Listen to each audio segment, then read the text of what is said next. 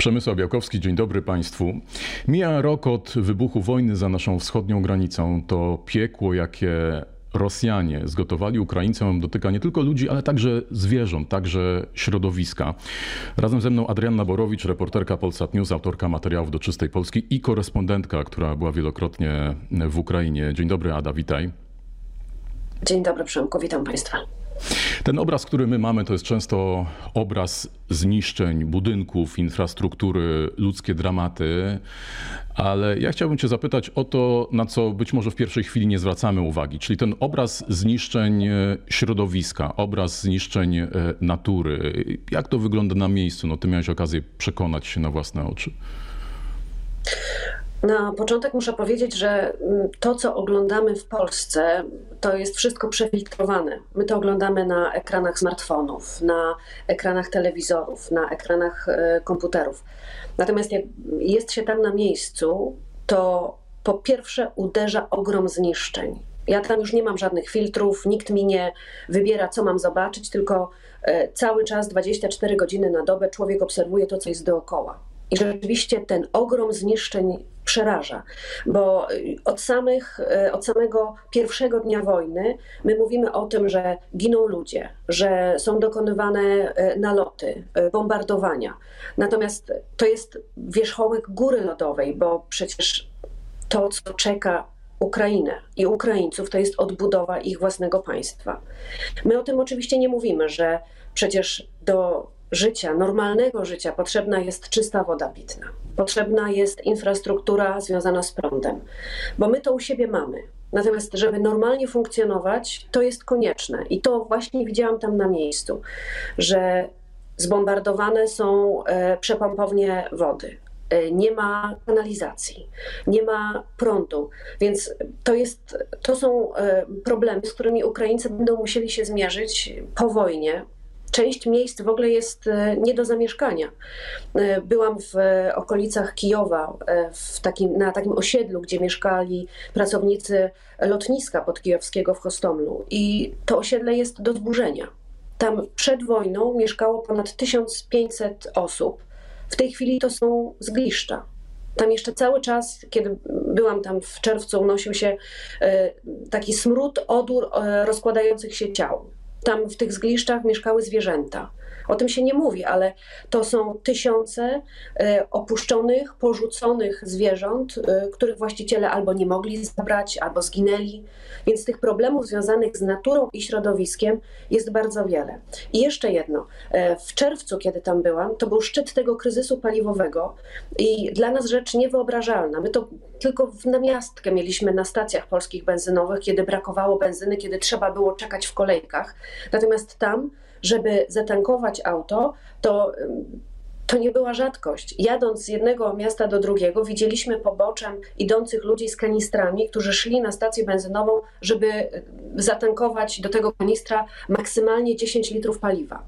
Więc z jednej strony to są takie problemy, które dotyczą dnia codziennego, ale z drugiej strony takiego funkcjonowania i uzależnienia od paliw kopalnych, bo wtedy pojawił się taki problem i takie pytanie: to może przestawmy się na auta elektryczne w Ukrainie? No owszem, pomysł genialny, ale nie ma tam infrastruktury. I to wielokrotnie słyszeliśmy, co z tego, że ja będę miał auto elektryczne, jak ja nie będę miał go gdzie naładować, bo przy okazji jeszcze zbombardowano elektrownię, która te, ten prąd e, produkowała, więc tych problemów związanych z naturą i środowiskiem w Ukrainie jest bardzo wiele.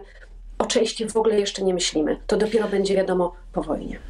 I to też są elementy działań wojennych, e, nazwijmy to, bo bombardowanie infrastruktury krytycznej, energetyki, o której wspomniałaś, ale rzeczywiście ja nawet nie kojarzę, czy, czy ja natrafiłem na taką informację e, o tym, że została zniszczona na przykład oczyszczalnia ścieków. No zakładam, że tutaj też jakieś utrudnienia są, kanalizacja. No to są wszystko e, rzeczy, które są, do, do których Ukraińcy byli przyzwyczajeni. Dla nas to jest normalna sprawa, ale nagle z dnia na dzień oczywiście są pewne priorytety, no bo, bo najważniejsze jest e, ludzkie życie i dopiero gdzieś tam w dalszej kolejności ludzie się zastanawiają, czy będzie dostęp e, e, do wody, czy na przykład w wyniku bombardowania nie zostały zniszczone jakieś zakłady chemiczne, czy, czy takie informacje też się przedostają, na ile skala tego może być groźna, niebezpieczna.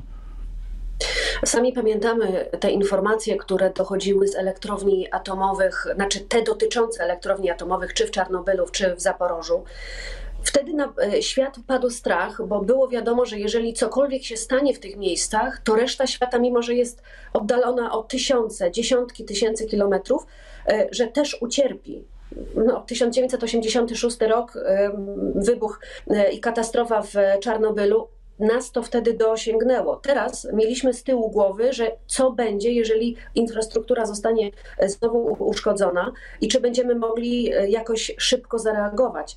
Więc te informacje, one na zachód docierają w jakichś szczątkowych e, takich częściach, bo wiadomo, że są sprawy ważniejsze. Natomiast dla samych Ukraińców ważne jest, żeby przeżyć i żeby nie dać się złamać. E, w zeszłym tygodniu miałam rozmowę z panią Weroniką z Lwowa, która przyjechała odwiedzić syna do Warszawy. Ja spotkałam się z nią i, i pytam, jak daje sobie radę w tych właśnie ciężkich warunkach, że nie ma prądu, e, że są ograniczenia, bo przecież jeżeli nie ma prądu, to w wielu mieszkaniach nie ma wody.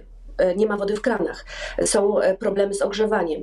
Powiedziała mi jedno: my, my do wszystkiego możemy się e, przyzwyczaić. Człowiek jest bardzo silny, on sobie nie zdaje sprawy, że, że, że może się dostosować bardzo łatwo do nowych, trudnych warunków. Natomiast to, co nas bardzo um, zgięło, to to, że nie możemy naładować telefonów komórkowych. Kiedy są przerwy w dostawach prądu, okazuje się, że bateria w telefonie jest bardzo niska, ma niski poziom, więc my jesteśmy w ciemnym mieszkaniu, słyszymy odgłosy, kiedy załóżmy są jakieś ostrzały, e, jesteśmy odcięci od, od świata. Po prostu patrzymy w ciemność, patrzymy w sufit. I wtedy do mnie dotarło, w jakich warunkach Ukraińcy żyją, w jakich warunkach muszą żyć, żeby jakoś przetrwać. Więc to są takie z jednej strony informacje dotyczące e, infrastruktury krytycznej, ale z drugiej strony takie informacje od zwykłych ludzi, którzy muszą jakoś przetrwać w takich warunkach, gdzie nie mają dostępu do podstawowych e, no, takich funkcjonalności, do których my jesteśmy przyzwyczajeni, bez których nie wyobrażamy sobie życia.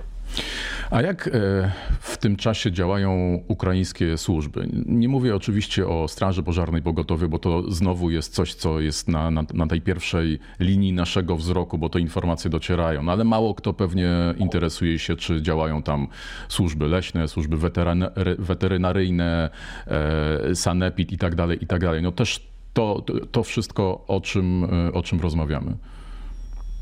Widziałam na własne oczy, jak działa e, służba ochrony środowiska, ponieważ e, będąc e, w maju w Kijowie, dostaliśmy sygnał, że możemy pojechać z taką służbą na ich czynności, które wykonują na ostrzelanej bazie paliwowej. Ja wtedy nie wyobrażałam sobie, jak to po pierwsze może wyglądać, taka ostrzelana baza paliwowa, Brak, po prostu brak wyobraźni. Nigdy wcześniej nie stanęłam przed y, takim tematem do zrelacjonowania. A po drugie, przepraszam, nie wiedziałam też, jak działają służby, jak to wygląda na miejscu. Bo biorąc pod uwagę, że są dostawy, przerwy w dostawach prądu, oni muszą jakoś zebrać dowody, chociażby, żeby e, potem e, ewentualnie do przyszłych procesów karnych ze, zebrać te dowody. Więc to, co ja zastałam, wysiadając z samochodu, to mnie zmroziło. My nie wiedzieliśmy, gdzie dokładnie jedziemy, dostaliśmy tylko wytyczne e, GPS, gdzie mamy się zameldować ze względów bezpieczeństwa, nawet nie mogliśmy podawać dalej tych informacji. Natomiast to, co ja e, zobaczyłam, e, odebrało mi mowę. To był krajobraz księżycowy. To były resztki aut cystern, które płonęły przez pięć dni, jak się potem okazało po ostrzale. Z niektórych aut zostały tylko same osie.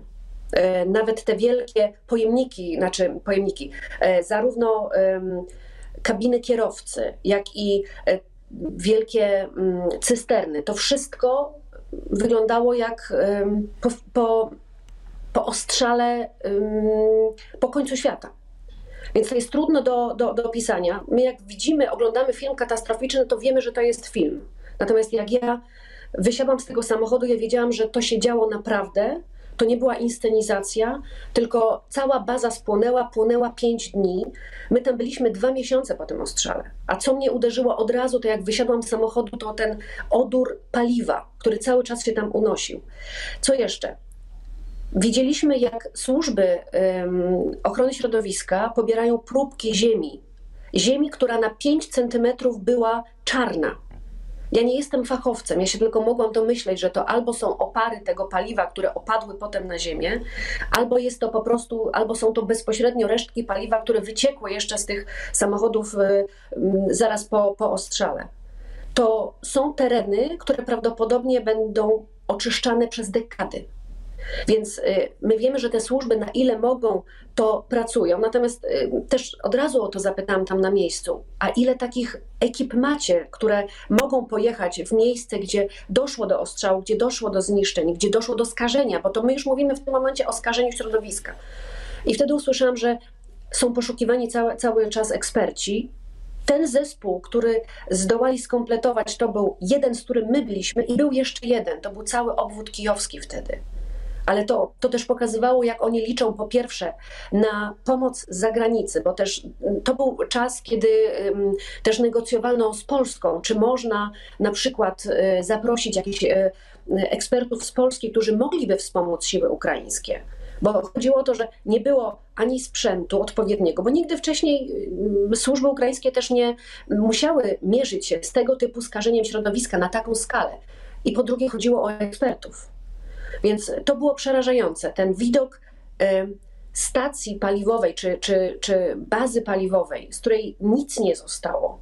Do tego ten odór paliwa i świadomość tego, że ten teren będzie skażony. My widzieliśmy na horyzoncie domy mieszkalne.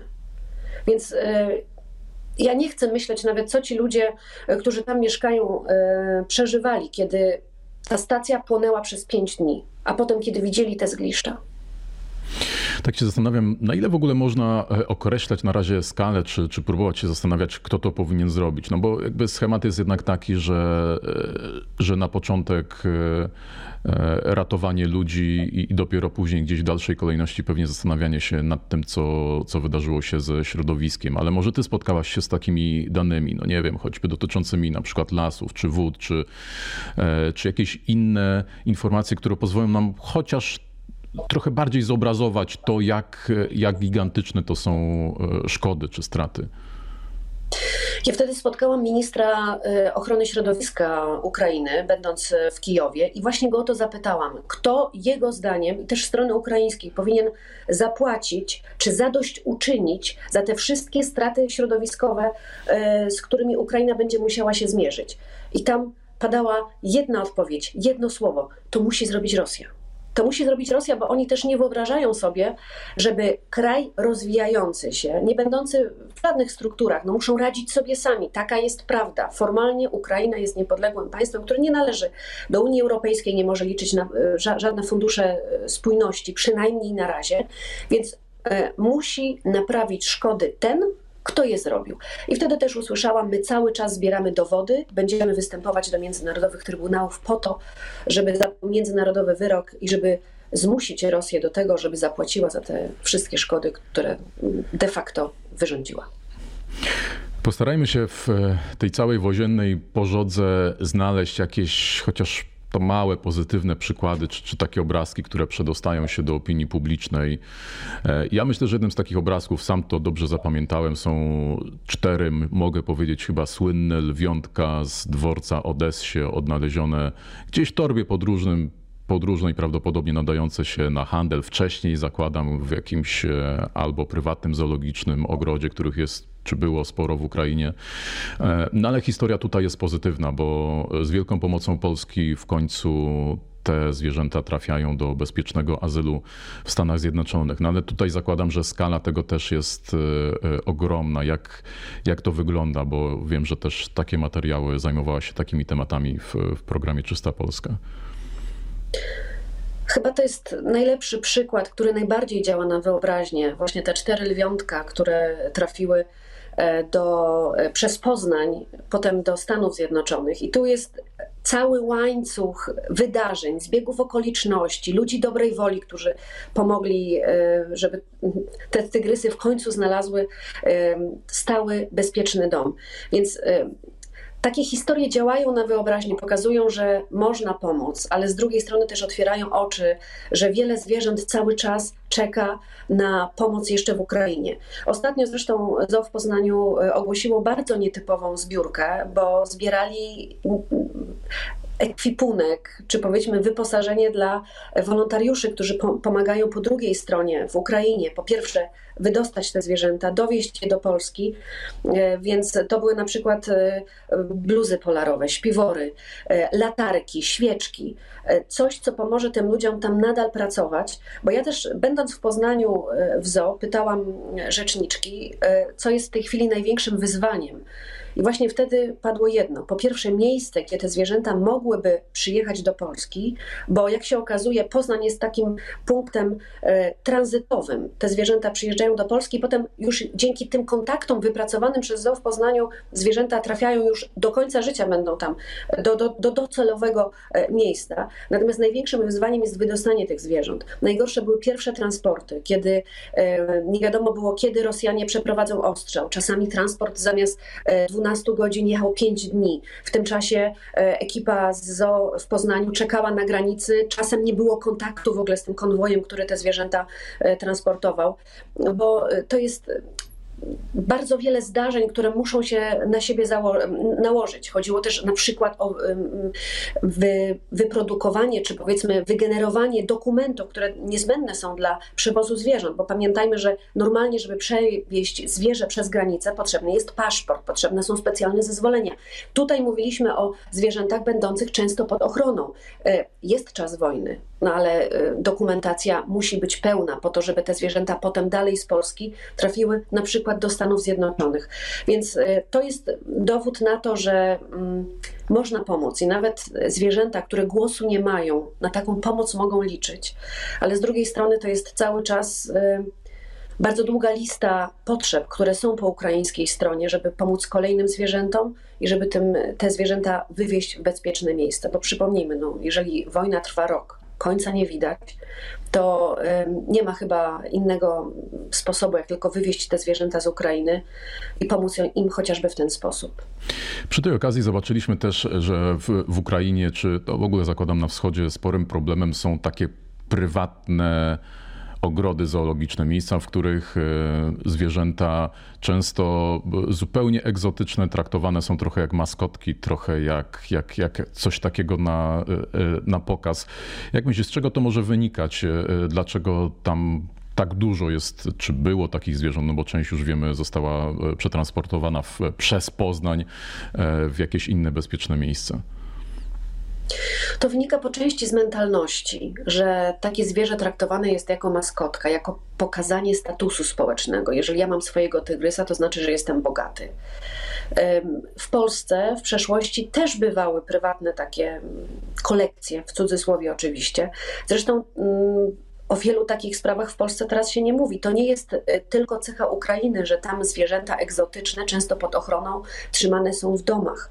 E, w Polsce też się to zdarza, tylko e, po prostu te sprawy nie wypływają. Być może gdyby nie wojna, te cztery tygrysy, które zostały znalezione w Odessie, być może były już by u nowych właścicieli, miałyby jakiś prywatny wybieg i nikt by się, się o sprawie nie dowiedział. Natomiast wybuchła wojna, więc o sprawie zrobiło się głośno. Natomiast generalnie, jeżeli mówimy o tego typu procederach, to wynika to z tego, żeby pokazać swój status społeczny. Nie wiem, z czego to wynika. Osobiście bym tygrysa w domu nie trzymała, e, natomiast takie są realia. Zastanawiam się jeszcze nad jedną rzeczą. Na ile e, w Ukrainie mm, ta ta pomoc dla zwierząt y, jest też takim no, prywatnym odruchem serca wielu osób, miłośników zwierząt, niekoniecznie zrzeszonych w jakieś organizacje, stowarzyszenia czy fundacje, no a na ile no, wciąż te służby państwowe jednak y, działają, pomagają, koordynują to wszystko? To bardzo dwa dobre przykłady z różnych miejsc. Po pierwsze, y, miejscowość Irpień. O tej miejscowości było bardzo głośno, bo tam też były bardzo poważne straty, bardzo mocne ostrzały Rosjan. Ja tam pojechałam w maju i kiedy wysiadłam y, na osiedlu domków jednorodzinnych, to oprócz tego, że była cisza. Na zasadzie tam nie było gwaru rozmów, nie było dzieci, które y, przygotowywały się wtedy do, do wakacji, bo to była końcówka roku szkolnego. Tylko usłyszałam E, naprawiane drzwi, e, odgłosy wiertarek, bo ci ludzie wracali do swoich domów i pokazywali, że nie dadzą się złamać, ale też spotkałam tam właśnie grupę wolontariuszy, którzy wyłapywali bezdomne zwierzęta. Ja wtedy chwilę e, z nimi porozmawiałam. Okazało się, że działają dzięki wsparciu e, z Ameryki. Oni stamtąd dostawali fundusze. To byli ludzie miejscowi, którzy znali język, znali realia, znali te wszystkie miejsca, więc oni te zwierzęta wyłapywali, przekazywali do domów tym, tymczasowych tak żeby jak najmniej takich e, porzuconych zwierząt e, gdzieś musiało się same wyżywić. To jest e, jedna historia. Druga to też okolice Kijowa, wspomniane przeze mnie Hostomel i to opuszczone, zbombardowane osiedle. Ja tam wtedy byłam z operatorem Mateuszem Górnym. Mieliśmy wtedy chwilę, chwilę przerwy między zdjęciami i ktoś nam powiedział z miejscowych w stepie, że powinniście tam pojechać. Tam dopiero zobaczycie, jaka jest skala e, zniszczeń. I to, co nas uderzyło wtedy, oprócz tego, że widzieliśmy e, bloki takie jak w Borodziance, gdzie jedna klatka schodowa po prostu wyparowała, zawaliła się, jej nie było, to zobaczyliśmy mnóstwo bezdomnych zwierząt domowych. To nie były e, koty dachowce, to były piękne, rasowe koty, to były psy, które e, bardzo niepewnie podchodziły, słysząc, że ktoś się pojawił, ale nas przeraziło to, że te zwierzęta żyją w ruinach i cały czas czekają na swoich właścicieli, bo to było widać, jak, jak one słyszały, że podjeżdża samochód, że ktoś, e, słychać było kroki czy jakieś głosy, to te zwierzęta z różnych miejsc e, przybiegały i sprawdzały, czy to przypadkiem nie jest właściciel, czy rodzina, u której e, te zwierzęta mieszkały. Więc my też o tym właśnie robiliśmy, bo część tematów ona wynikała na miejscu. I to jest właśnie genialna praca zespołowa, że jeden do drugiego mówi: Zobacz, tu jest jeden taki kot, jest rasy takiej i takiej. E, to nie jest przypadek.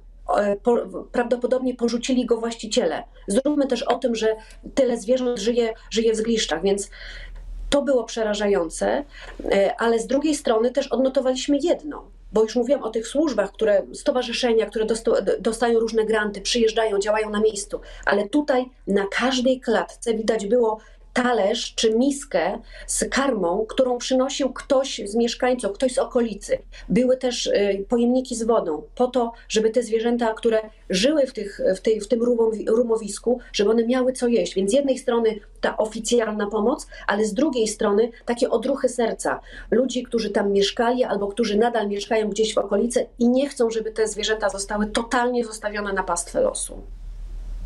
Ada, zaczęliśmy od tego, że bardzo wiele obrazków, informacji, że one są filtrowane, że one się nie, nie przedostają.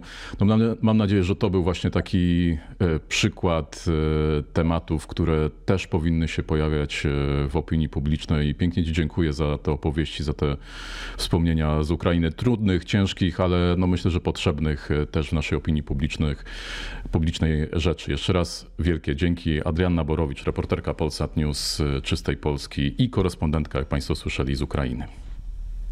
Bardzo dziękuję. Dziękuję bardzo. Państwu też dziękuję. Zapraszam, zachęcam do oglądania kolejnych wideokastów Zielonej Interii. Przemysła Białkowski. Kłaniam się. Do widzenia.